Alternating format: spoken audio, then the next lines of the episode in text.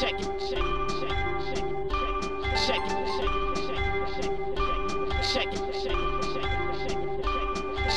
Zapraszamy na piąty odcinek Codrive.pl, w którym porozmawiamy o Robercie Kubicy i jego najbliższym starcie w DTM-ie. Zastanowimy się także, jaka przyszłość czeka Roberta w sytuacji, gdy z Alfą Romeo zaczął rozmawiać Nico Hulkenberg. Postaramy się odpowiedzieć na pytanie, o co tak naprawdę chodzi w aferze Racing Point i czy Mercedes ma już władzę absolutną nad Formułą 1. Postaramy się odpowiedzieć także na pytanie, jak dobrym kierowcą jest Max Verstappen i czy Red Bull ma jeszcze szansę w tym sezonie zawalczyć z Mercedesem. Zastanowimy się nad tym, czy Sebastian Vettel ma jeszcze siłę na jazdę w Ferrari i czy może to Scuderia nie dostarcza dla niego odpowiedniego bolidu. A na koniec Cezary z Aldoną opowiedzą co nieco o kulisach toru w Barcelonie i oczywiście zdradzą swoje przewidywania na najbliższy weekend. Codrive.pl po raz kolejny spotykamy się, aby porozmawiać o tym, co w świecie Formuły 1 i nie tylko się e, dzieje. Ze mną tradycyjnie Aldona Marciniak i Cezary Gutowski, ja się Kolejniczak. Dzień dobry wszystkim i zaczynamy oczywiście od tego, co myślę, że jest dla nas priorytetem, czyli od Roberta Kubicy i DTM-u. Po raz kolejny Robert wsiądzie za kierownicę właśnie tego pojazdu e, na kolejnym e, torze. No i Właśnie, w mojej głowie pojawia się takie pytanie, czy to, co widzieliśmy na SPA, to jest coś, do czego powinniśmy się przyzwyczaić i to będzie mniej więcej tak wyglądał sezon Roberta, że gdzieś tam są cały czas te problemy, że będzie niezadowolony, gdzieś zjeżdżał z toru, że będą jakieś problemy ze skrzynią biegów, czy jednak te jakieś e, problemy, powiedzmy, dziecięce zespołu będą sukcesywnie rozwiązywane i tak samo Robert gdzieś będzie szukał tej prędkości w sobie i będzie się przyzwyczajał do nowego środowiska.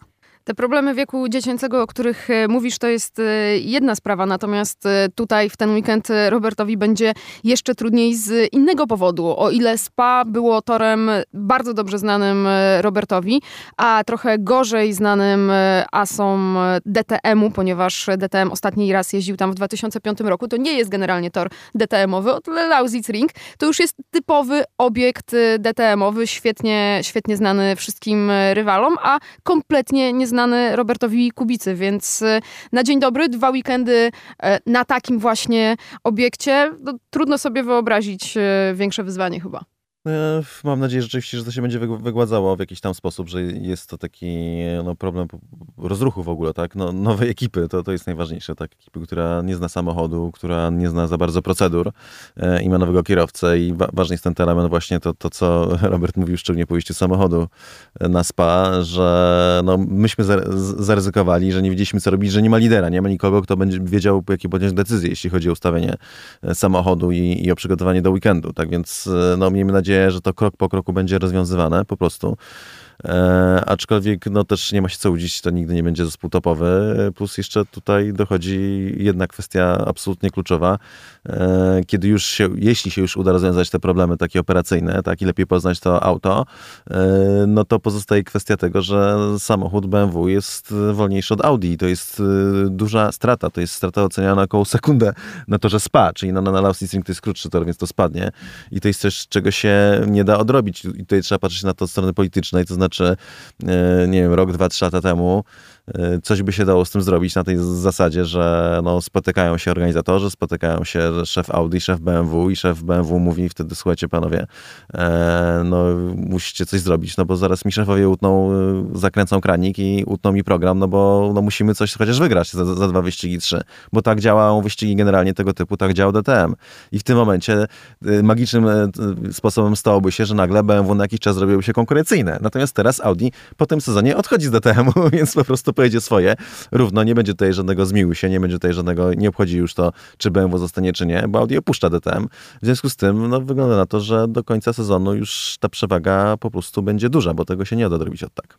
Czyli to będzie e, dużo trudniejszy tak naprawdę weekend dla Roberta i jego zespołu ze względu na te wszystkie okoliczności, które nie sprzyjają. A oprócz tego wydaje mi się, że Robertowi wcale nie będzie e, łatwiej jako samemu kierowcy, no bo przecież dopiero co był w Silverstone, wcześniej był na SPA, później w Warszawie pojawił się w jeszcze innym pojeździe na, na ulicach.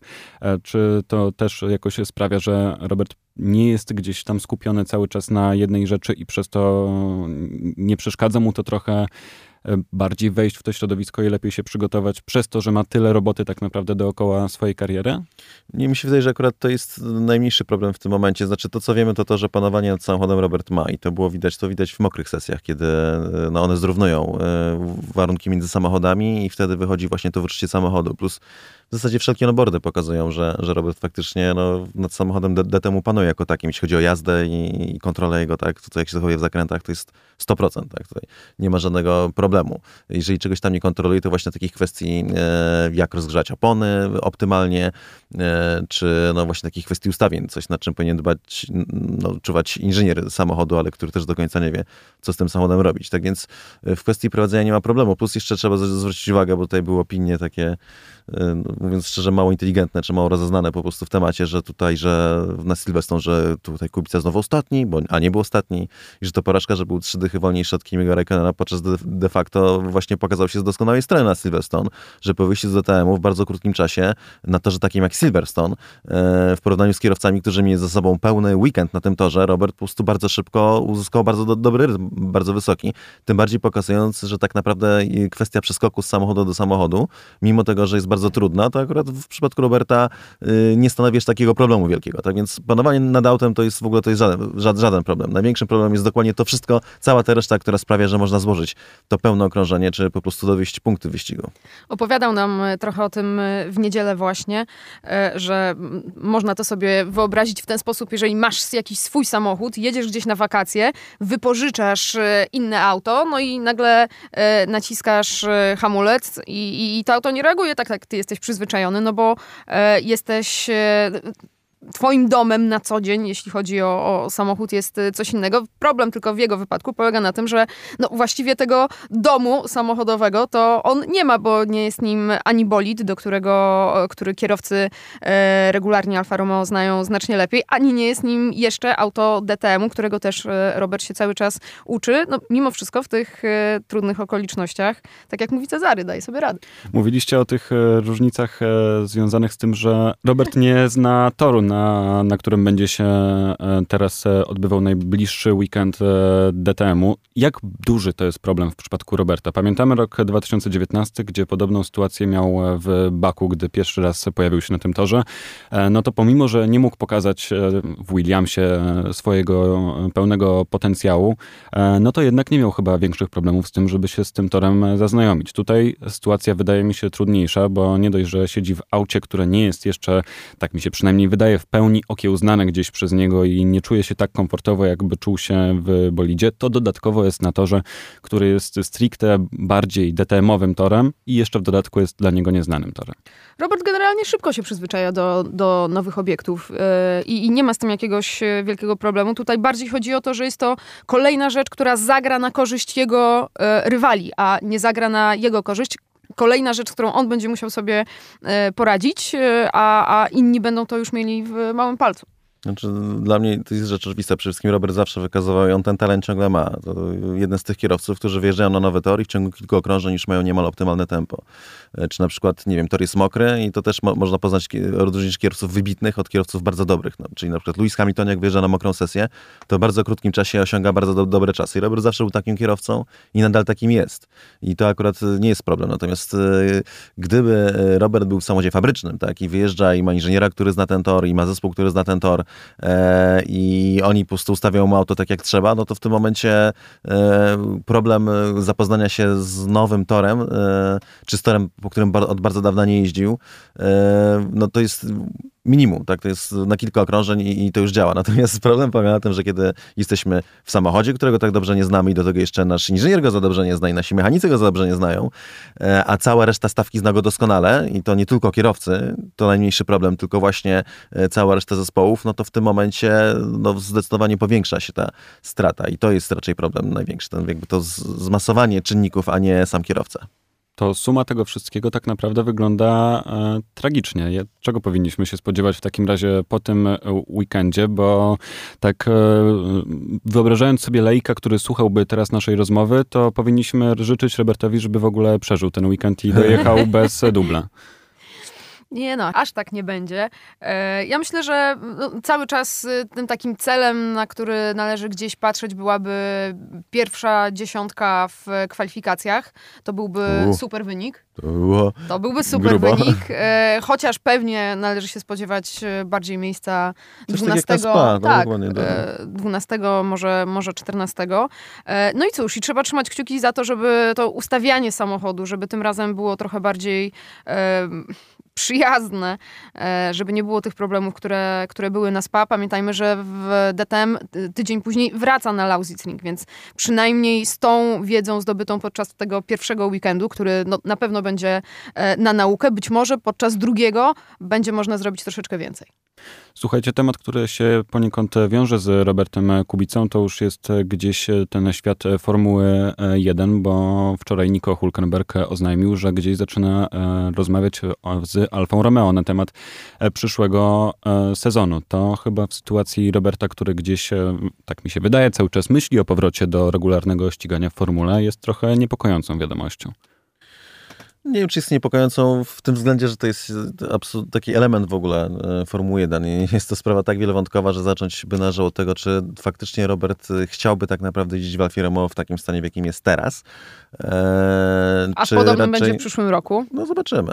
Zobaczymy, jak to idzie. Natomiast no, póki co to nie wygląda za dobrze.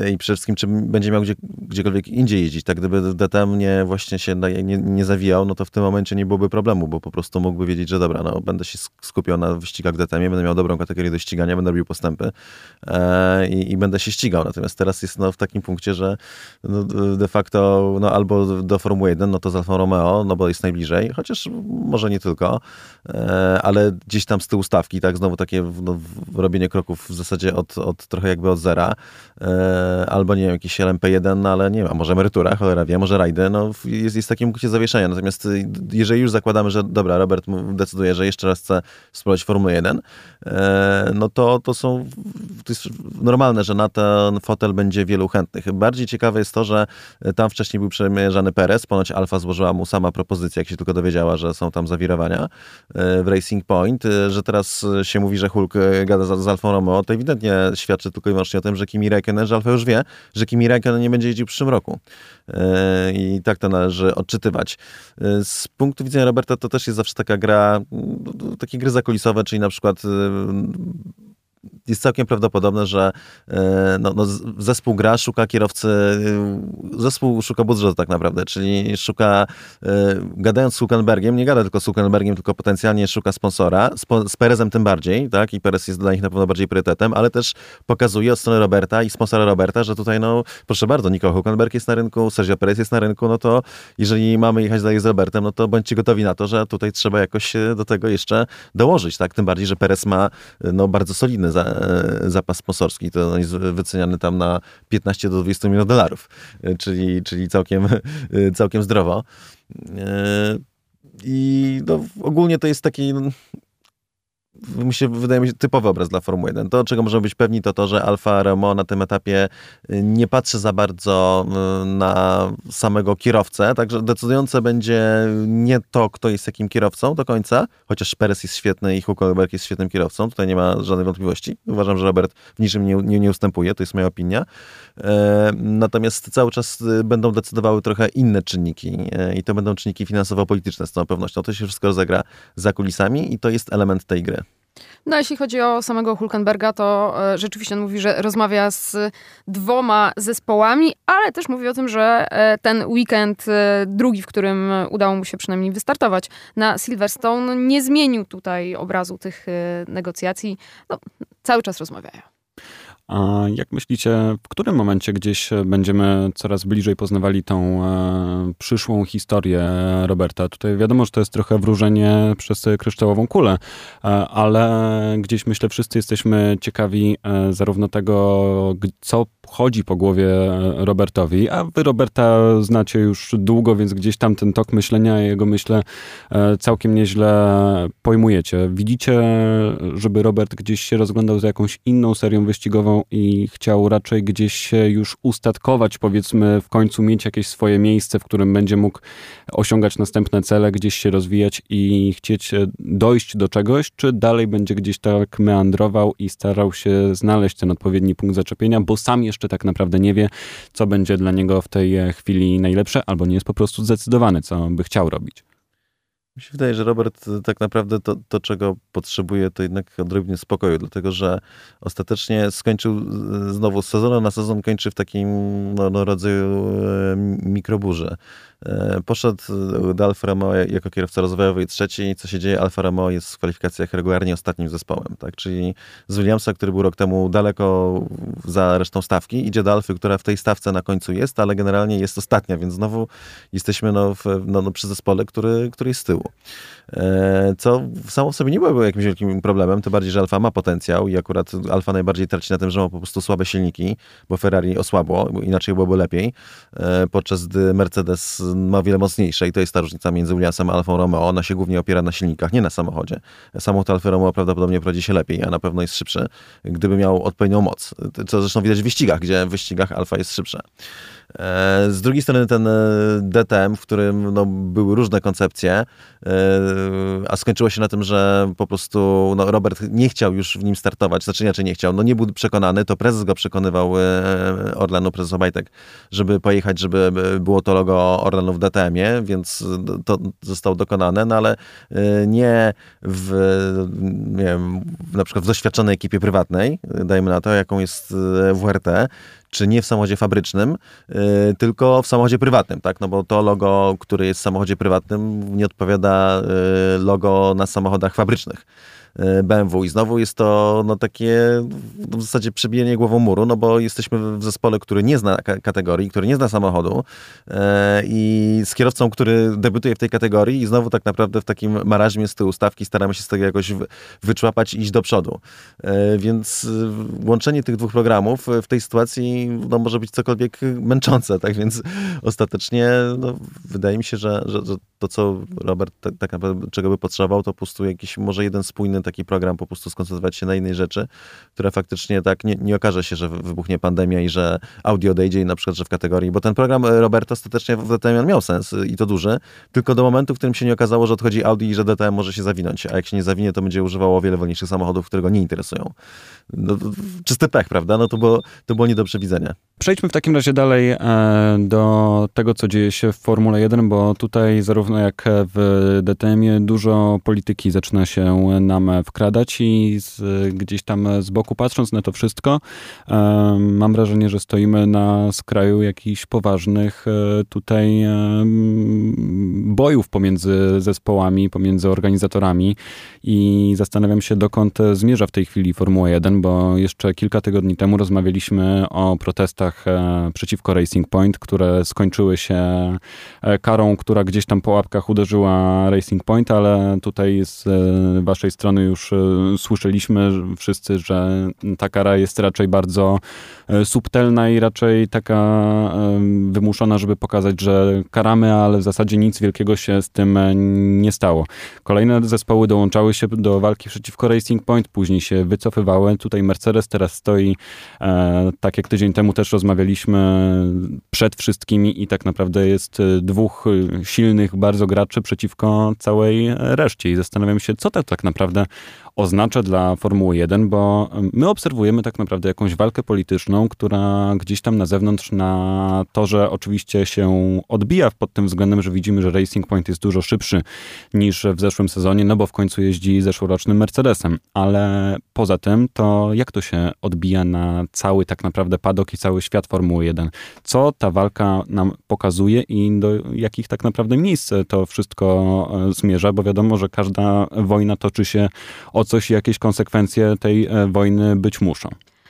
E, widzisz, zaczęło się od tego, co nam pokazuje. Pokazuje nam e, pozycję Mercedesa, bo e, zaczęło się od tego, że mamy e, cały świat Formuły 1 przeciwko Mercedesowi. No i właśnie okazuje się, że nie cały, bo też tak jak o tym wspomniałeś, już e, Williams i McLaren, a więc e, dwa zespoły mocno związane z Mercedesem.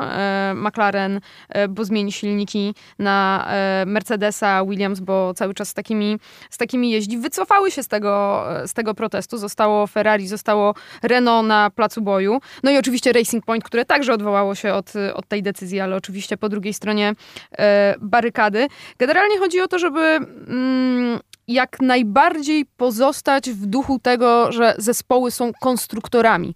E, to jest takie słowo klucz. Musisz być konstruktorem swojego, swojego samochodu i jednocześnie e, jak to, jak to usankcjonować, żeby e, to kopiowanie było w jakichś rozsądnych ryzach utrzymane.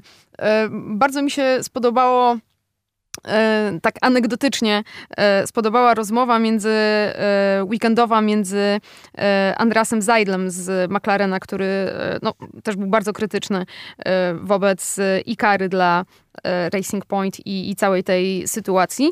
E, ta rozmowa toczyła się w Skyu i, i była zupełnie o czym, e, o czym innym, mianowicie chodziło o ten koncept high rake w, w samochodach, czy, czy to już zostało wyeksploatowane, czy już doszło się do sufitu możliwości tego auta i czy takiego tak, tak zbudowanego i czy, czy, czy, czy warto od tego odejść. No i Zalin mówi, no my oczywiście podpatrujemy, co robi Mercedes, Mercedes, podpatrujemy, co się dzieje w najlepszym e, e, samochodzie w stawce. No i w tym momencie e, dziennikarze, którzy prowadzili z nim tę rozmowę, no troszeczkę wybuchnęli śmiechem. Mówi, no widzisz, no przed chwilą rozmawialiśmy o, o kopiowaniu i o, i o protestach, a z drugiej strony o ironio, za chwilę sami pokazaliśmy ten paradoks Formuły 1, czyli to, że każdy chce mieć to, co ma najlepszy bolid w stawce. To podpatrywanie jest, jest naturalne i dzieje się od lat. Natomiast no nie może być w stawce 10 Mercedesów.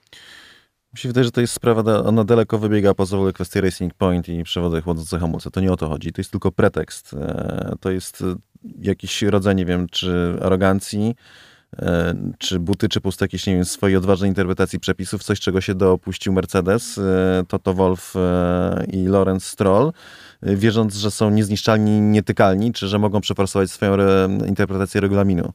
E, która, no moim zdaniem, jak się czyta ten regulamin, to, to się po prostu nie broni. Natomiast to jest kwestia dla prawników, to jest kwestia tego, jak są te słowa i tego, jak to zinterpretuje FIA, bo to jest kluczowe, i Liberty. I Mercedes jest na tak mocnej pozycji, i Toto Wolf, że mają prawo przypuszczać, że ostatecznie Formuła 1 się do nich nagnie i, i ostatecznie jakoś zamniecie pod dywan ten problem. Natomiast moim zdaniem, jeśli chodzi o jakiś rodzaj takiego no, przewinienia, to jest e, niekwestionowane, że, że tak bardzo jak można kopiować pewne rozwiązania, żaden samochód nie powinien przypominać tak bardzo drugiego jak Racing Point przypomina Mercedesa. Y, niezależnie od tego, czy to zostało zrobione legalnie, czyli na podstawie zdjęć 3D, jak to się utrzymuje, czy zostało zrobione to nielegalnie i to jest w zasadzie y, no, taka oś tego, co się teraz dzieje, bo tu już te zespoły, które protestują albo tylko się wypowiadają, one nie celują w Racing Point. Ich nie obchodzi Racing Point. One celują w Mercedesa. I to jest coś, co sugeruje szef McLarena, y, Zach Brown, że to jest wierzchołek góry lodowej, to jest coś, co mówi Mattia Binotto, że to jest wierzchołek góry lodowej, to jest coś, co powiedział ostatnio Christian Horner. Red Bull nie protestuje Mercedesa, ale mówi, że tutaj no, trzeba sprawdzić, czy aby na pewno jednak Mercedes nie zrobił czegoś źle. Czyli coś, czego należało, zresztą żeśmy się tego dopatrywali od samego początku. Eee, I to chodzi o to podejrzenie, że Mercedes e, no, po prostu z premedytacją, w pełni świadomie pozwolił skopiować pewne rozwiązania innej ekipie, e, nie tylko na oko. To, ewidentnie to sugerują to te trzy postaci, tak? Trzy wielkie zespoły historyczne, McLaren e, e, i, Ferrari, teraz no nie historyczne, ale wielkie zespoły Red Bull, sugerują, że to o to chodzi, że, to, że oni w to uderzają.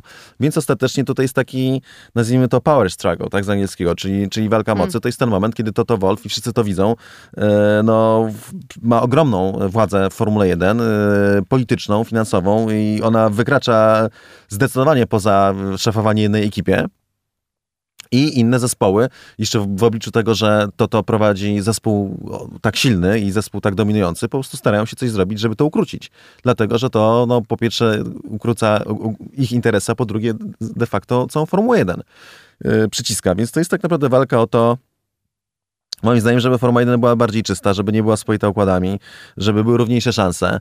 Eee, po prostu. I był też no, taka wypowiedź, która mnie najbardziej rozbawiła, że Toto Wolf zaoferował się, że on będzie mediatorem, że może tutaj, bo im zależy na tym, żeby to nie doszło do, do tej apelacji, żeby, żeby, ten, żeby to wszystko zdusić z zarodku. Zobacz, jak już wspaniale pomediował. No właśnie, Williams się do wycofał. tego to chcę powiedzieć, no, że powiedział, że, że on, on, on może mediować i wymediował, że McLaren, który będzie zależny od Mercedesa, już powoli jest trochę, bo muszą dostać dane e, na temat silnika, jakiego będą używali. Wycofuje się, Williams wycofuje się z tego protestu, ale e, te zespoły, które mają własne silniki, e, nie wycofują się, tak? Czyli Ferrari zostaje, robią własne, Renault zostaje, robią własne, Red Bull, który ma silniki Hondy, popiera.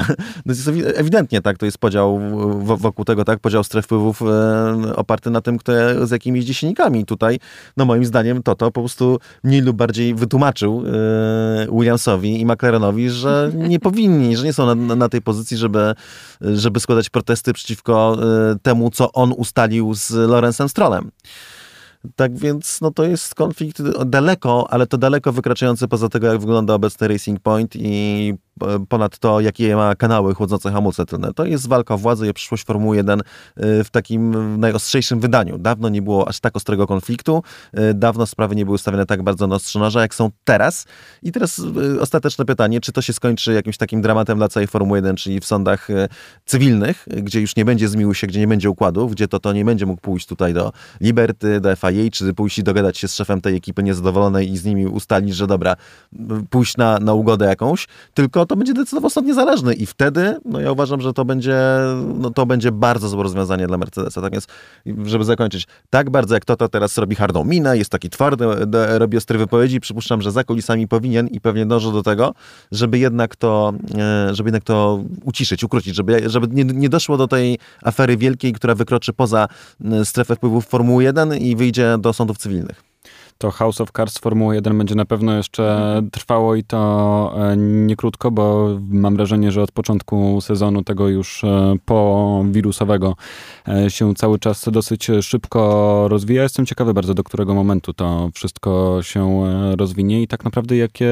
to konsekwencje praktyczne niesie ze sobą ten absolutyzm Mercedesa i to to Wolfa, bo wszystko jest dla mnie zrozumiałe, że tutaj ta moc polityczna Mercedesa jest bardzo silna i bardzo wielka, ale gdzie jest ten moment, w którym to każdy z boku zacznie zauważać, że tutaj Formuła 1 psuje się przez to, że jest jeden monarcha, który dyktuje warunki całej Formuły 1 i tak naprawdę co jest praktycznie od strony czysto, bo to, jakie złe konsekwencje dla wszystkich zespołów Formuły 1 to niesie, to jest wszystko jasne, to super wytłumaczyliście. Ale co to jest złego de facto dla sportu i dla kierowców, jakie to niesie praktyczne konsekwencje, no bo kierowcy cały czas ze sobą będą rywalizować, cały czas ta walka będzie, ok, nie jest w porządku to, że kopiuje się od siebie bolidy, ale no to, to, to będzie już teraz pewnie gdzieś tam uważny i już nie sprzeda. Drugi raz, nie zdarzy się taka sama historia, więc tak naprawdę czy y, sytuacja, w której jesteśmy teraz, że FIA wydało karę na Racing Point, powiedziało, że oj, oj, oj, tak nie wolno, tak nie wolno, to czy to na tym, jak się zakończy, to, to nie będzie po prostu coś, co się rozleci i zapomnimy o tym i Mercedes cały czas gdzieś tam będzie e, na czubku tego wszystkiego? Od strony formalnej to nie zakończy się na tym, no bo już na 2021 rok e, FIA planuje e, wprowadzenie zestawu regulacji, aby, aby ukrócić to e, kopiowanie innych bolidów, ale to też nie jest takie proste. Mówi o tym Nicolas Tombazis, że ujęcie tego, tego wszystkiego, tych listed parts, non-listed parts, w taki sposób, żeby nie zostawić tutaj, tutaj luk, będzie bardzo trudne, a zespoły Formuły 1 słyną z tego, że każdą lukę, lukę wypatrzą, więc no, kawał trudnego zadania przed, przed FIA, ale tak jak Cezary mówił, to to przekonał Williamsa i McLarena, że warto zaufać FIA i że oni to rozwiążą i przynajmniej te zespoły są usatysfakcjonowane e, wiarą swoją w to, że nasz e, regulator, e, ten nasz organ, który ustala przepisy, zrobi to właściwie. Mi się wydaje, że że to jest rzecz, która moim zdaniem szkodzi całej Formule 1, na dłuższą metę będzie też szkodziła Mercedesowi. Eee, znaczy, nie dziwi mnie, że e, każde, że, że nie, nie każda tak naprawdę, ale że są ekipy, które chcą wygrywać, bo to jest mit, że wszyscy tam jeżdżą, żeby wygrywać. To jest absolutna bzdura. Niestety tak to nie działa w żadnej kategorii wyścigowej i żadnych wyścigach nie jest tak, że wszystkie zespoły tak samo chcą wygrywać. Znaczy, chceć to by chciały, ale chcieć a móc i chcieć się starać, to są dwie różne rzeczy. No ale mamy ekipę, która no, po pierwsze chce, a po drugie ma środki, a po trzecie potrafi to zrobić. Eee, no to no wspaniale, w sensie pogratulować im, że, że to robią. Natomiast to jakby wykracza, to wykracza daleko poza zakres e, samego Mercedesa. Ty mówisz właśnie o tym, że, e, że, że, jeden monarcha, który rządzi Formułą 1, to było wszystko ok. Jak był Bernie Ecclestone, to, to było moim zdaniem naprawdę działo dobrze.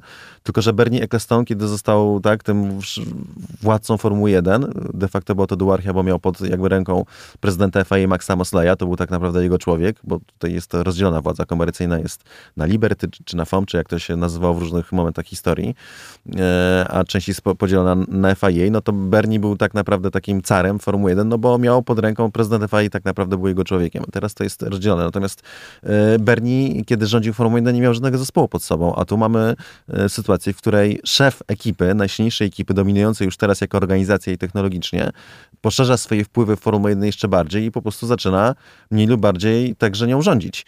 Oczywiście nie całą i, i, i nieoficjalnie i nieustawodawczo, ale no w, w, czystej praktyce, wykonawczo.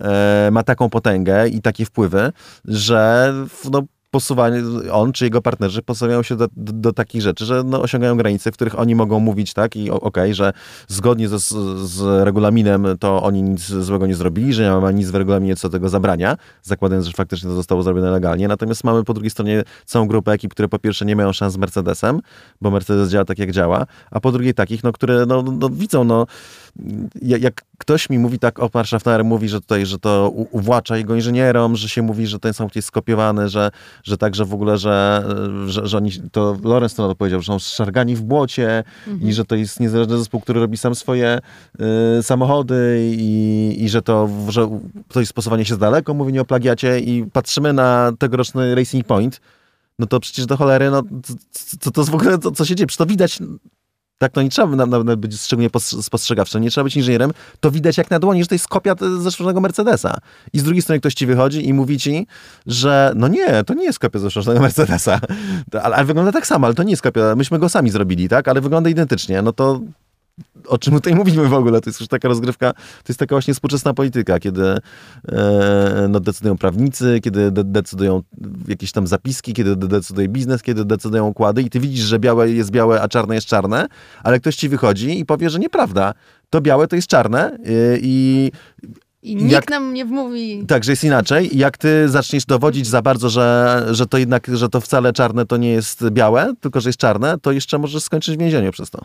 Każdym razie mówiłeś o e, Bernie McLestone i przypomniało mi się, że tak właściwie cała ta e, furtka dotycząca współpracy technologicznej między zespołami została otwarta za jego czasów przez e, Maxa Mosleya e, po to, żeby zrównać e, szanse, po to, żeby jak najbardziej zespoły zbliżyć do siebie, żeby rywalizacja była bardziej ciekawa. No ale obróciło nam się to w e, taki potworek.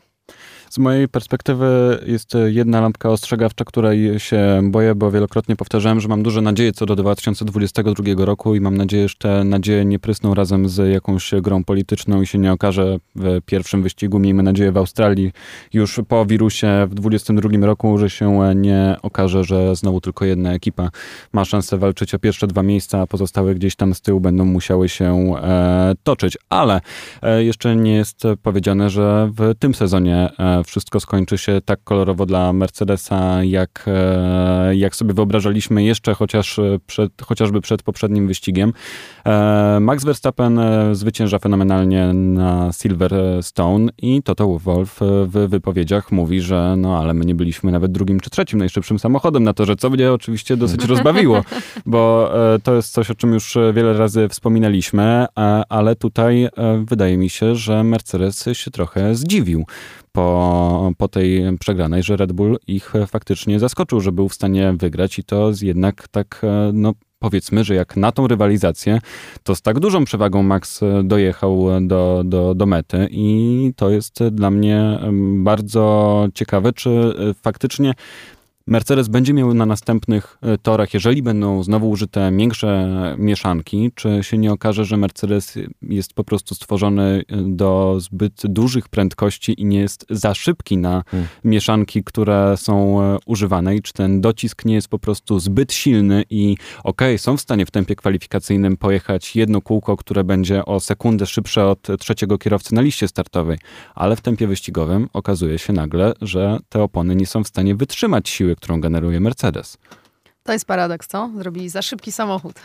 Ale to jest prawda. docisku. Moim zdaniem generalnie bezstopowite Mm. Formuły 1 są po prostu za szybkie. Ja wiem, że to może brzmieć dziwnie, ale są pewne e, jakieś granice i to się, z- im procentowo jest e, krótszy czas okrążenia, tym na przykład jest mniejsza szansa na to, że będzie walka, dlatego że procentowo jest po prostu mniej czasu na to, żeby podejmować ataki, dajmy na to, dajmy na to realnie, po prostu się wszystko skraca w czasie.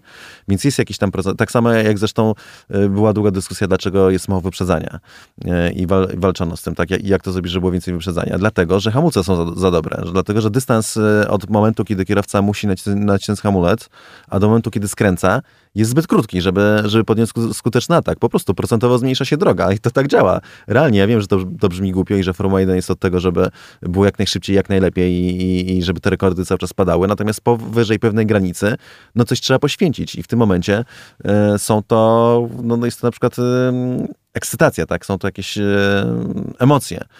I Jakość widowiska. tak, a jeśli chodzi o, Mercedes, o ostatni weekend, tr- trzeba jedną rzecz podkreślić. To nie jest do końca tak, że Red Bull wygrał, e, czy Max Verstappen wygrał, chociaż oni wykonali po prostu super robotę jako wszyscy, jako team, jako Max jako kierowca, wybitny, moim zdaniem najlepszy.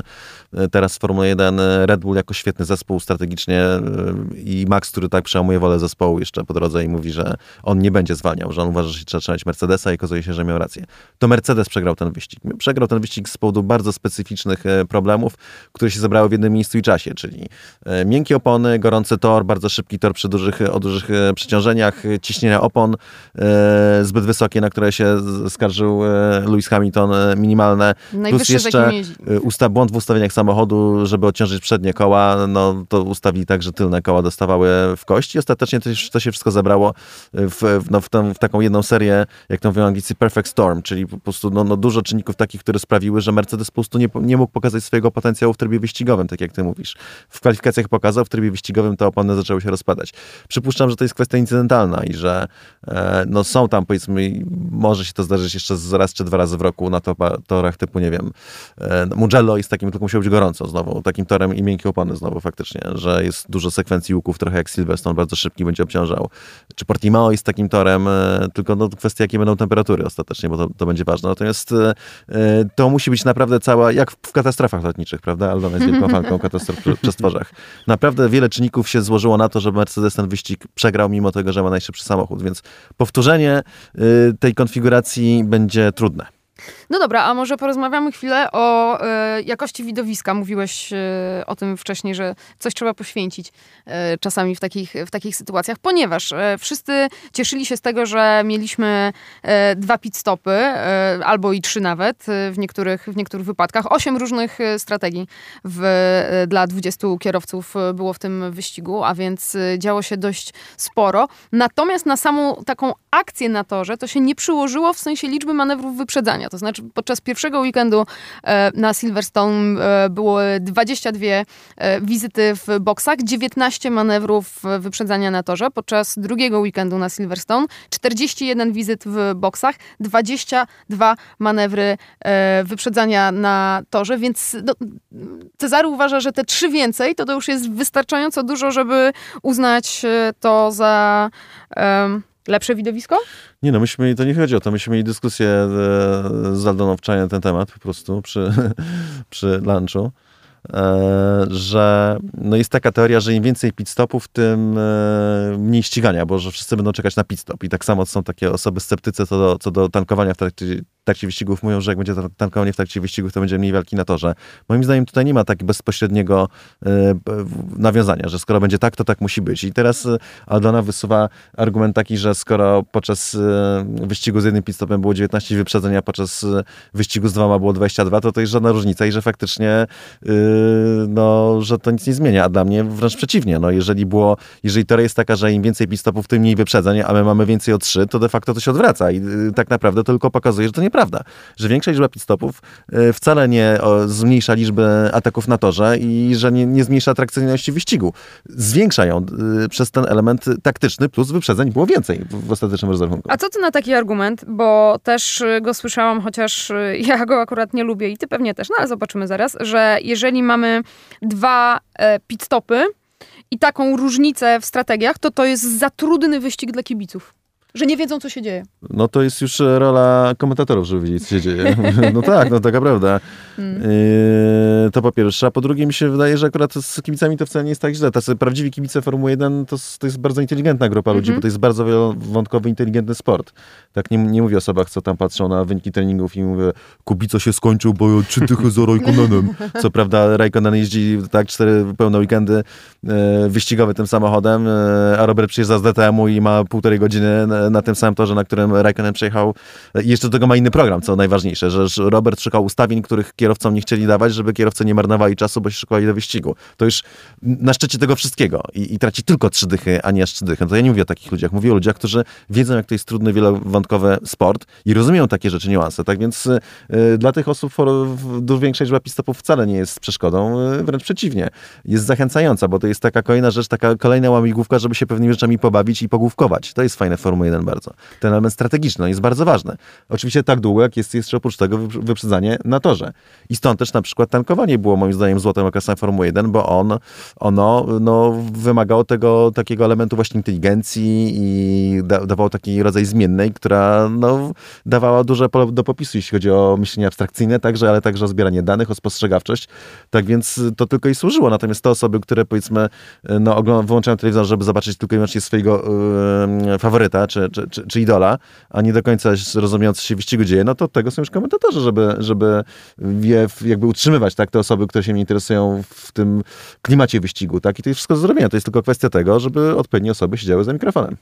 Dolewanie paliwa podczas wyścigu to wydaje mi się, że już jest takie czysto taktyczne, jednak faktycznie taktyczny smaczek i strategiczny, bo to już faktycznie czasami ciężko e, było się e, połapać w tym, kto ile ma paliwa, czemu ten tak szybko jedzie, a ten tak wolno i to już było... Ale e, wiesz co, to było to znakomite. Tak. Dzięki temu, dzięki temu, zobaczcie, że dzięki temu, dokładnie, kwalifikacje, dzięki temu w mhm. Barcelonie przed y, hiszpańską publicznością mogłeś Fernando Alonso w dużo słabszym bolidzie wprowadzić do pierwszego rzędu na starcie. Tak, i ku wielkiej radości. Co z tego, na niedzielę, co z tego że, że potem zjechał po 16 okrążeniach chyba od razu.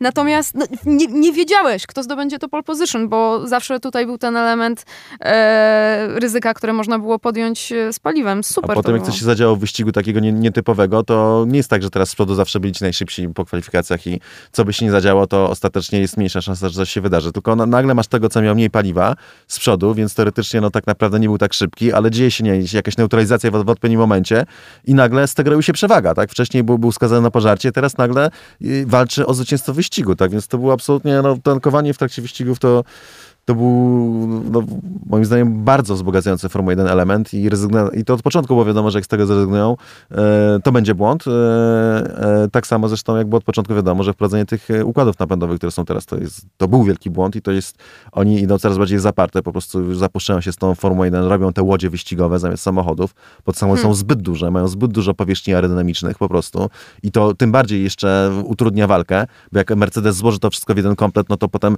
to jest tak wielowątkowe już działanie nad samochodem, to jest tak skomplikowana bestia, mechanicznie, elektronicznie, y, cały soft w ogóle do, do tego wszystkiego i do tego jeszcze aerodynamika, że jak ktoś ma tak świetnie poukładany zespół jak Mercedes, to potem no, zrób drugi taki sam zespół, który będzie tak samo doskonale działał i będzie w stanie to wszystko złożyć. No, wszystko jest jakby, Formuła 1 poszła totalnie w złym kierunku pod wieloma względami jednym z tych punktów to jest właśnie technologia.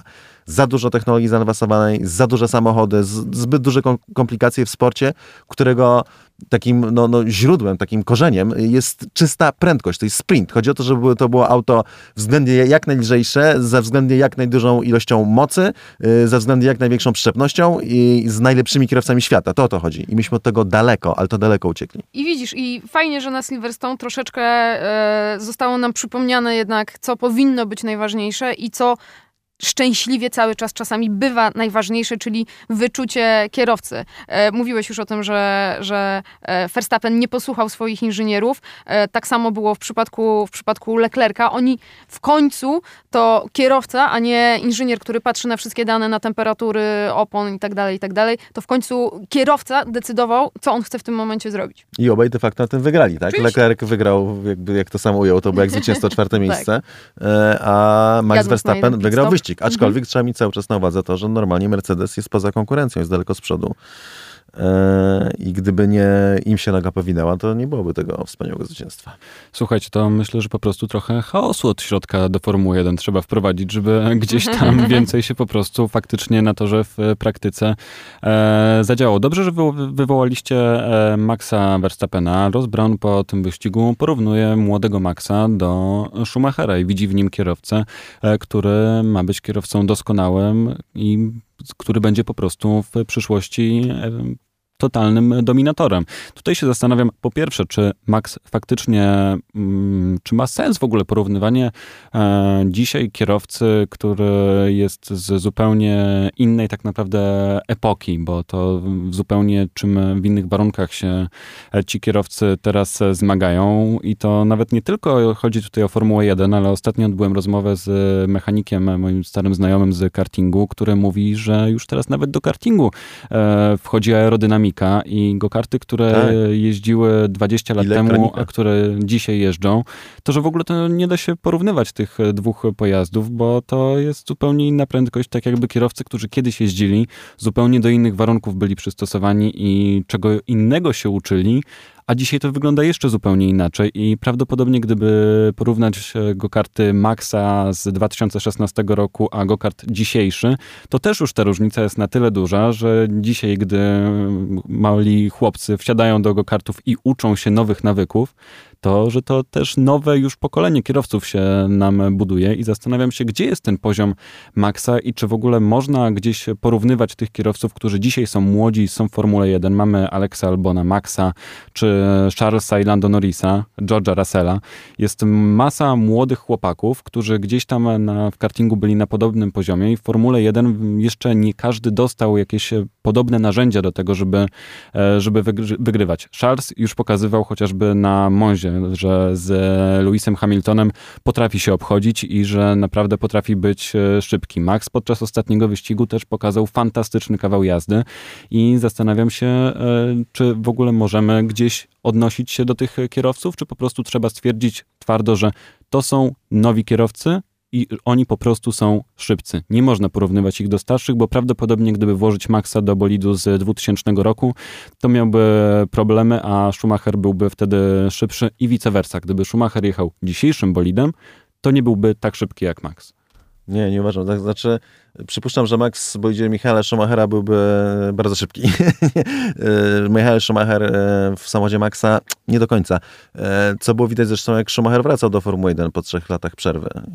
I to było do przewidzenia, że będzie. Znaczy, mało kto to przewidywał bardzo ale ja to przewidywałem, że będzie wolniejszy i to było wszystko racjonalnie uzasadnione i to opierało się na tym, na czym mówisz, czyli zobaczcie sobie e, zdjęcia Ayrtona Senny w gokarcie, zobaczcie sobie zdjęcia mm. gokarta, jakim jeździł Lewis Hamilton i Robert Kubica i Nico Rosberg, kiedyś ze sobą ścigali, e, zdjęcie karta Maxa Verstappena i karty, które teraz się ścigają, tak? To jest ogromna ewolucja i to są nowe pokolenia kierowców, one są coraz lepiej wyszkolone po prostu i to inaczej działać nie może. Mi się Max Verstappen z Schumacherem nigdy to nigdy nie skojarzył, mimo tego, że jego ojciec e, Jos był bardzo podobny do Maxa, kiedy się z Schumacherem ścigał w tej samej ekipie w Benettonie i ja wtedy oglądałem mm. Formułę 1 już i się nią fascynowałem jeszcze jako, jako nastolatek. To jest e, inny typ człowieka, inny typ kierowcy.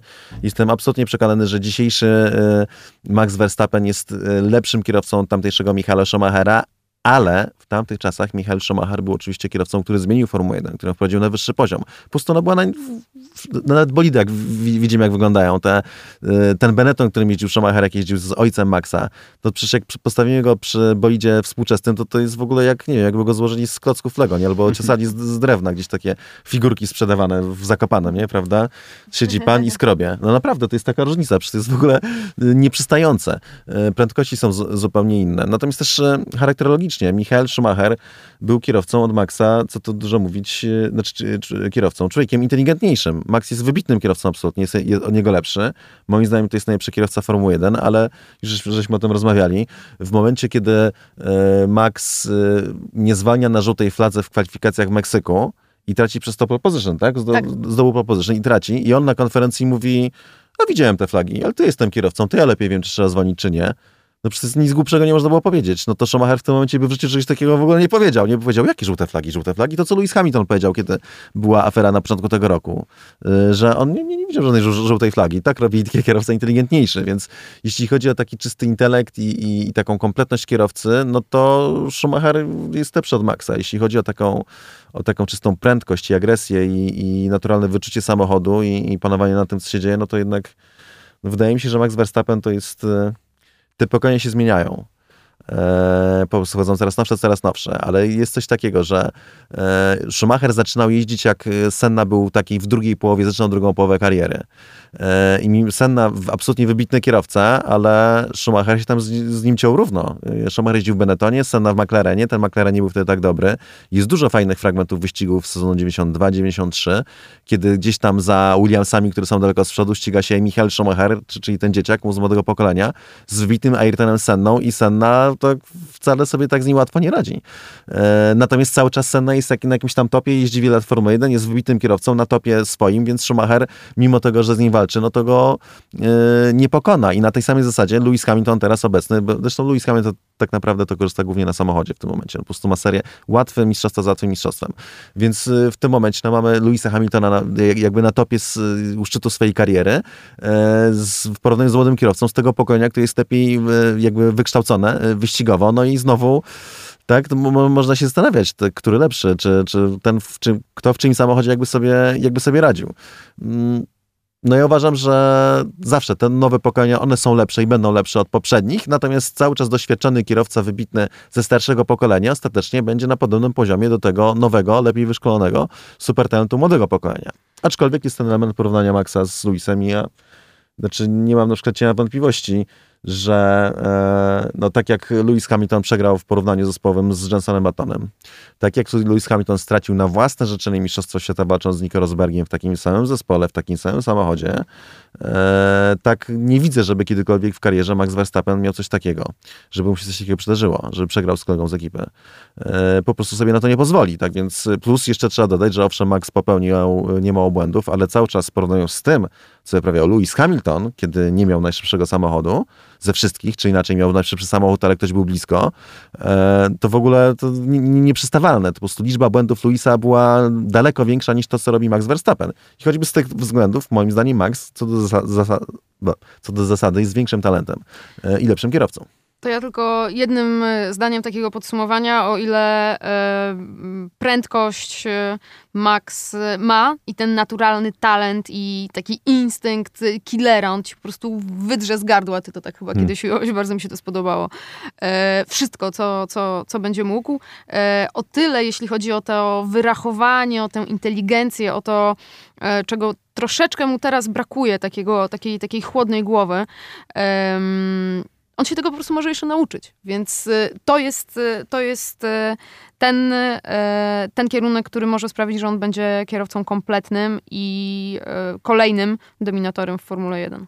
I to są powody, dla których ja bardzo czekam na konfrontację Maxa z Charlesem, bo mam wrażenie, że gdyby obydwaj mieli naprawdę porównywalne bolidy, to mielibyśmy na torze fascynującą walkę i bardzo głęboko w to wierzę, że jeszcze takiej walki się e, doczekamy, bo cały czas uważam, że Charles jest jednak gdzieś właśnie przez tą inteligencję i chłodną głowę e, ponad, e, ponad Maxem, ale mam nadzieję, że to wszystko na torze się zweryfikuje, a nie będziemy musieli się domyślać. Skoro Charlesie i Ferrari e, wspominam, to warto też wspomnieć e, krótko o Sebastianie i o jego perypetiach. Kolejny weekend niezbyt e, pozytywny. Mattia Binotto mówi, że na najbliższy weekend będą kombinowali z nowym chassis dla Sebastiana, ale zastanawiam się, czy nie jest to trochę mm, po pierwsze, czy Ferrari ma faktycznie na tyle duże problemy z bolidem Sebastiana, że muszą ratować go gdzieś tam technicznie i faktycznie gdzieś go otoczyć jakąś większą opieką, bo został gdzieś zaniedbany?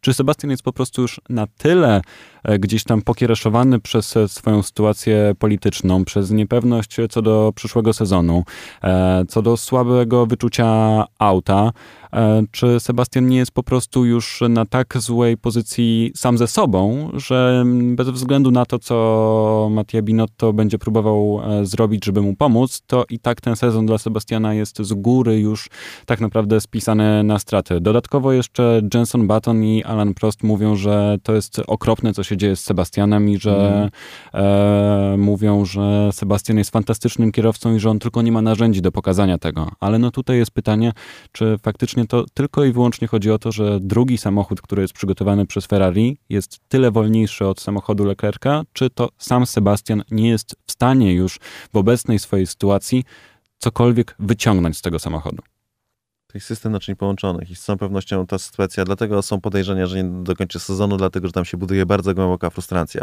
Jest ten krzyk ciszy, jak tego, jak ze zmienników, już do tego mhm. nawiązałem ostatnio. Y, Barei, nie? Taki był serial świetny. Jest taki cały wątek na temat pisarza i krzyku ciszy. To, że dostaje komunikaty przez radio i on się nie odzywa po prostu. E, więc ogromna w nim frustracja i taki żal do Ferrari. I to nie służy także jemu. E, I takie e, podejrzenia. No, jeśli chodzi o ostatni wyścig, to z jednej strony jestem przekonany, że Ferrari zagrało taktycznie dokładnie tak, żeby Leclercowi pomóc, żeby Sebastianu nie przeszkadzał. I to jest absolutnie oczywiste, bo Leclerc po prostu jechał świetnie, a Sebastian nie. Natomiast jestem absolutnie przekonany, że Ferrari nie robi nic, jeśli chodzi o samo ustawienie samochodów wbrew wbrew e, Vettelowi, bo to nie jest w ich interesie. Znaczy e, Ferrari może walczyć o punkty, tak? To nie jest tak, nie, w zeszłym roku ja też nie uważam, że Williams robił coś przeciwko Robertowi. Williams po prostu miał fatalny sprzęt, e, miał fatalną jakość podzespołów i wszystko co najlepsze kierował na jedno auto, a drugie nie chciał go sabotować, tylko po prostu no, zlewali je. Nie mogli zrobić dwóch tak samo dobrych samochodów. Być może Ferrari jest podobnie, aczkolwiek przypuszczam, że Ferrari potrafi zrobić dwa takie same komponenty. Nie jestem co do tego przekonany. Natomiast nikt specjalnie Vettela nie chce tam pognębić, bo Ferrari w przeciwieństwie do zeszłorocznego Williamsa walczy o punkty. Williams nie ma szans na punkt nawet, więc mogli sobie pozwolić na to, żeby lać jedno auto. Ferrari nie może tego zrobić. Te punkty są bardzo ważne, są bardzo cenne. Chodzi o prestiż, chodzi o pieniądze, o to, jaką już miał pozycję na koniec. Tak więc to tak nie działa. Natomiast... E, patrząc na on, nagrania onboardowe Sebastiana Vettela, na to jak się poradził jego samochód, y, faktycznie tam był jakiś problem, prawdopodobnie. To auto nie jechało tak jak powinno. E, jednakowoż to znowu nie było specjalnie wymierzone i patrząc na onboardy Charlesa Leclerca na Węgrzech, gdzie to z kolei Leclerc nie, nie funkcjonował w hmm. wyścigu, było podobnie. Czyli coś tam, oni mają problem z tym samochodem, mają problemy operacyjne, Ferrari się rozpada strukturalnie, gdzie nie spojrzeć, tam są jakieś łaty się pojawiają.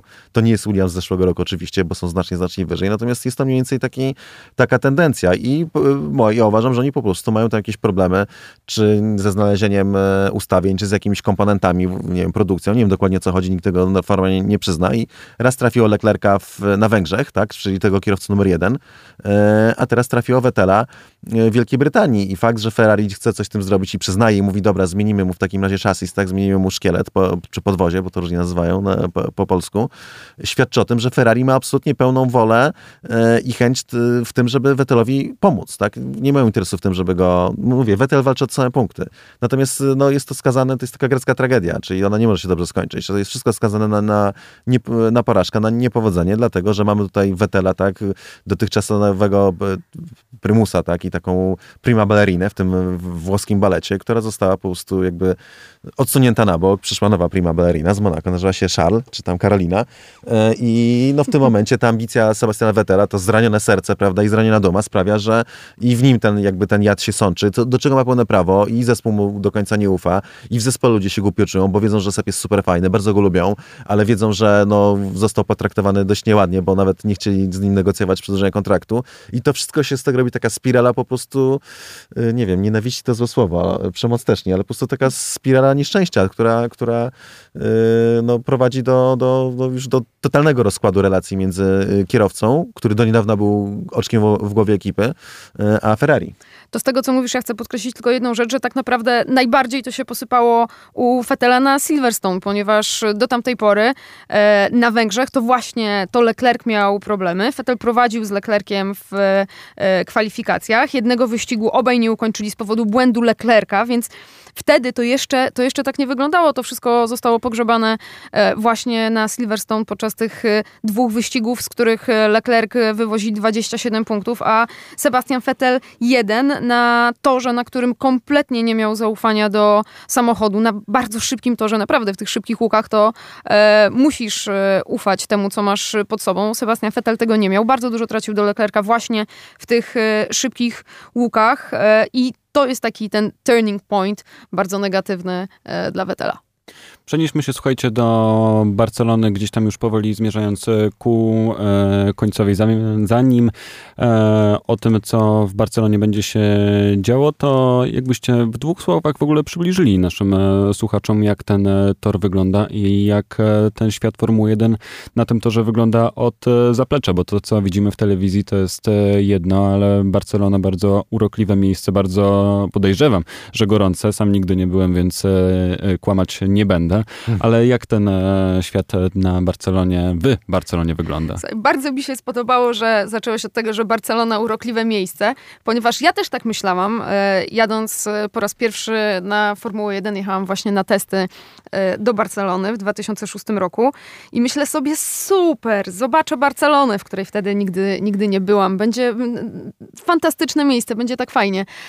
No więc zobaczyłam tor, hotel i lotnisko i ani pół Barcelony, ponieważ e, tor jest jednak tę godzinę jazdy od e, centrum Barcelony, e, położony e, też wśród wzgórz, więc nawet bywa tak, że jeżeli chcesz sprawdzić pogodę, tak robiliśmy na tych słynnych zimowych testach, kiedy, kiedy był śnieg w Barcelonie. Ja niepotrzebnie wpisywałam e, pogodę dla Barcelony, na Barcelona na wybrzeżu i ta godzina różnicy e, robiła, robiła tyle, że tam było ładnie, spokojnie, a u nas był śnieg na torze e, w Barcelonie, więc taki jest tam klimat, tor troszeczkę pośrodku, niczego dookoła, małe, małe miejscowości hiszpańskie, bardzo urokliwe. Mm, no i co? No i tor przede wszystkim, który jest y, świetnie znany kierowcom wszystkim, nie ma tam żadnych niespodzianek, niczyk, nikt nikogo niczym nie, nie zaskoczy. E, myślę, że mogliby go przejechać z zamkniętymi oczami, e, więc y, jako, ja nie jestem wielkim fanem tego, tego toru, no bo co tu dużo mówić, przez to to ściganie jest tam e, dość nudne po prostu. Nie tylko przez to, to jest przez to nudne głównie dlatego, że Barcelona ma taką konfigurację, że tam mm. nie za bardzo jedzie zaatakować. Są to sekwencje średnich i szybkich łuków głównie. No i jeszcze ta końcóweczka zmieniona. E, no tak, ale. No, no, tak, no to jest e, kręta techniczna, ale nie ma żadnej takiej konfiguracji. Ona została zmieniona do końcówka, żeby poprawić e, walkę, ale to się nie udało. Ale mhm. może, może nie, mów, nie mówmy o takich technikaliach, bo, bo raczej bardziej ten, tego, jak się ten wyścig odbiera od strony padoku. Barcelona to jest zazwyczaj pierwszy wyścig europejski. Tym, tym, razem nie, bo mamy przewrócony kalendarz, więc no, powiedzmy, że po tych wojażach zamorskich Formuła 1 się spotyka w Europie i jest to słabe miejsce, żeby się spotkać, mówiąc szczerze. Dlatego, że E, no, gdzieś tam tor faktycznie pośrodku niczego. E, z Barcelony dojazd dość długi i kłopotliwy. Kto może mieszka jak najbliżej w tych mniejszych miejscowościach? Tam też jest całkiem fajnie, bardzo dobre jedzenie i tak dalej, ale drogie hotele trzeba sobie znaleźć dobre miejsce. Nie jest tak łatwo.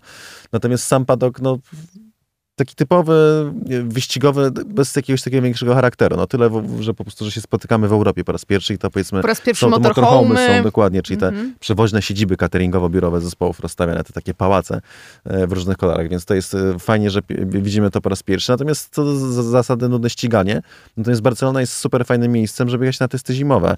Mm -hmm. Dlatego, że po pierwsze w testach nie patrzymy na to, kto kogo wyprzedza, czy wyprzedzi, więc nie, nikt nie będzie marodził, że nie ma wyprzedzania, bo nie ma wyścigów. Natomiast są bolidy Formuły które jeżdżą całymi dniami, od rana do wieczora. Jest tani dostęp i jak się odpowiednio wcześnie e, o to zatoczymy, to możemy kupić wejściówki do padoku, czyli chodzić w tym miejscu, gdzie są e, kierowcy, chodzą, gdzie można ich zobaczyć, e, gdzie chodzą szefowie ekip, tak, czy inżynierowie, mechanicy, gdzie jest to całe serce Formuły 1, co podczas weekendu wyścigowego, czy w Barcelonie, czy gdziekolwiek indziej, jest nie do zrobienia. Można kupić jakieś tam wyjściówki typu e, padok klubowe za, za tysiące euro. I... E, tak, tak, i, i wątrobę. Mhm. E, natomiast no, normalnie tak zwyczajny fan się po prostu tam nie dostanie za normalne pieniądze. Natomiast na testach Barcelonie absolutnie tak. Ja też bardzo lubię testy, dlatego że e, wtedy mamy e, dostęp do toru i jeździmy sobie w różne, w różne fajne Mhm. miejsca i spotykamy tam e, bardzo często kierowców i szefów ekip. Oni tak samo jeżdżą e, wokół toru podpatrywać Mhm. inne bolidy. E, Ostatnio z całą rodziną Verstappenów byliśmy tam e, w tej, w pierwszym sektorze. E, Ja gdzieś tam kiedyś z Daniłem Kwiatem coś podpatrywałam. No, po prostu e, fajny taki klimat, w którym wszyscy w Formule 1, tak, tak dziennikarze, jak i inżynierowie, jak i sami kierowcy, jak i szefowie ekip stoją sobie tam przy tym ogrodzeniu i patrzą, co się dzieje, jak te bolidy wyglądają po przerwie. No i Roberta kilka razy znalazłem przy torze, ale też i to w ogóle niesamowite, że był Binotto, Elkan, czyli no w zasadzie no, szef wszystkich szefów e, Ferrari e, i Antonio Giovinazzi. I Mhm. mam całą sesję im zrobiłem zdjęciową dwa lata temu. E, no jeszcze staram się sobie przypomnieć, no bo zawsze kogoś tam, jak się rozejrzysz, to właśnie przełapiesz jakiegoś kierowcy, który stoi przy torze i możesz zrobić mu e, fotografię, jeżeli podejdziesz wystarczająco blisko. To, to jakby takie ambiwalentne odczucia, bo z jednej strony jak jeździsz tam jeszcze w, tak w Polsce z polskiej zimy, przylatujesz w lutym na testy, lute, przełom lutego i marca, to jest bardzo fajnie. E, No z drugiej strony do ścigania moim zdaniem miejsce słabe i to w zasadzie jak ktoś by pytał, który tor z kalendarza skreślić, to przypuszczam, że w pierwszej kolejności zawsze bym podał dokładnie właśnie Barcelona. e, Barcelonę, jeśli chodzi, jeśli chodzi o, o to. Natomiast jeszcze są takie. e, na przykład, e, tak jak zaczynasz dzień e, podczas tych testów, tak, to jest wtedy inny rytm. Oni jeżdżą 3 czy 4 dni e, i, i no, my staramy się jakby, bo pracujemy cały dzień, więc człowiek stara się wstać jakby na, jak najpóźniej. Raczej nie je śniadania w hotelu. Chociaż czasami się wyjdzie pod hotelem, zjeść na przykład jakieś przepyszne śniadanie w takiej kafeterii w jakiejś małej miejscowości Mhm. niedaleko toru, E, ale też no, no, mamy taki powiedzmy obyczaj, że się jeździ do supermarketu, tam jest taki supermercado nie, niedaleko toru, Mercadona, e, bardzo znana sieć w ogóle w Hiszpanii i wtedy jest taki zestaw torowy, czyli, czyli kupujesz e, jamon ciurado tak zwany, czyli, czyli taką tą surową szynkę dojrzewającą, na dwa lata dojrzewa, tylko trzeba dobrą znaleźć, bo jest ich dużo, z tego słynie Hiszpania. E, Krojoną na miejscu. E, Tak, krojoną na miejscu, świeżą. Queso manchego, czyli, czyli no ten ser, taki ser owczy, są różnego rodzaju. Pomidorki, Pomidorki. kolkę, pieczywko i... Woda, soczek świeży, tak, wyciskany z z pomarańczy. pomarańczy I... i- z tym zestawem, z tym Tak. prowiantem. Jedziesz, jedziesz albo w samochodzie, albo na przykład, żeśmy dwa, lata, dwa czy trzy lata temu, jeszcze był wjazd, można było wjechać swoim samochodem e, na tor po prostu, na te alejki serwisowe, więc mamy też sesję zdjęciową z, z późnego śniadania na torze wyścigowym przy Lakajsza, przy tym nawrocie. E, W samochodzie wszystko rozłożone na, na desce rozdzielczej. Tak, tak, tak. i- Warunki bojowe i ten. do, i dookoła samochody. Słuchajcie, ja tutaj się rozpływam słuchając tego, jak niektórzy będą tego wieczorem gdzieś tam przed snem słuchali, to po prostu takie marzenia uruchomicie, że... Nie iść na noc, nie iść na noc. Oj, Zabójca ja się, diety. ja się przekonałem o tym ostatnio. Będziemy na pewno o testach e, przypominali w takim razie gdzieś e, bliżej października, listopada, żeby te wejściówki, żebyście w wejściówki się zaopatrzyli, bo może to być bardzo ciekawa alternatywa dla ferii e, zimowych, żeby gdzieś na torze je spędzić. Będziemy powoli kończyli, więc warto wspomnieć o tym, czego się spodziewamy tak naprawdę po najbliższym weekendzie. W treningach zobaczymy Nissaniego w Williamsie. E, Tutaj o jakiś krótki komentarz z waszej strony bym prosił. Po co ten chłopak w ogóle wsiada do tego bolidu, skoro w Formule drugiej ma tylko jeden punkt i tak naprawdę nie wygląda to jako kierowca, który miałby cokolwiek Williamsowi e, sprezentować.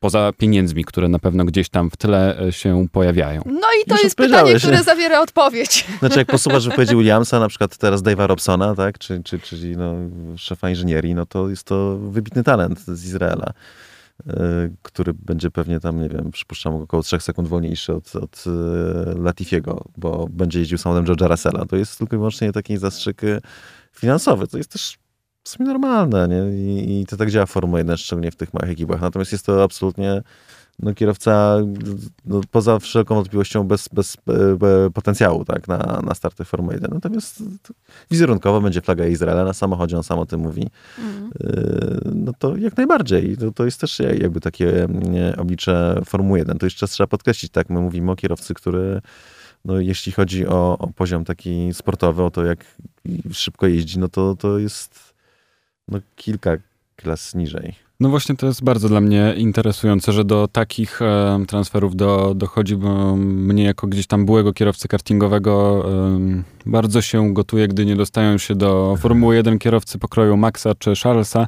e, tylko osoby, które gdzieś tam mają odpowiednie portfele e, zasilić, ale takie e, jest to formułowe życie. Słuchajcie, Red Bull czy Mercedes w Barcelonie? Będzie jakakolwiek walka pomiędzy tymi zespołami? Mercedes, tak jak mówiliście, gdzieś tam poprawi te swoje incydentalne błędy, czy to będzie może gdzieś jednak szansa na walkę? I kto będzie zwycięzcą też środka, bo chciałbym e, gdzieś tam może rozdzielić na zwycięzcę tego całego wyścigu, ale zwycięzcę drugiego, który gdzieś tam e, ma szansę walczyć między całą resztą, bo gdzieś tam Red Bull mam wrażenie, że zahacza o Mercedesa, ale no właśnie, czy to jest y, takie zahaczenie na stałe, czy to był e, jednorazowy wyczyn?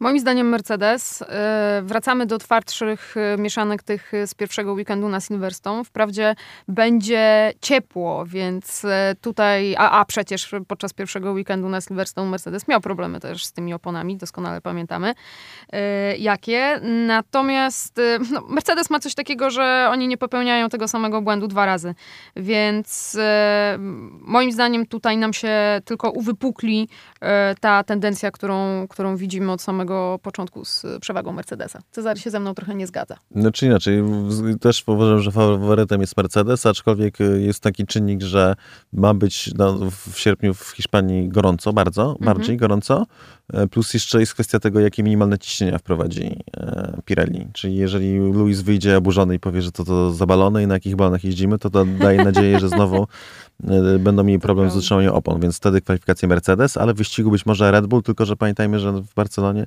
tak jak Max Verstappen wyprzedził na to, że e, Valtteriego Bottasa na Silverstone było to możliwe, choć i na Silverstone się trudno wyprzedza, tak w Hiszpanii będzie mu mhm. ciężej, żeby, o wiele, żeby tego dokonać.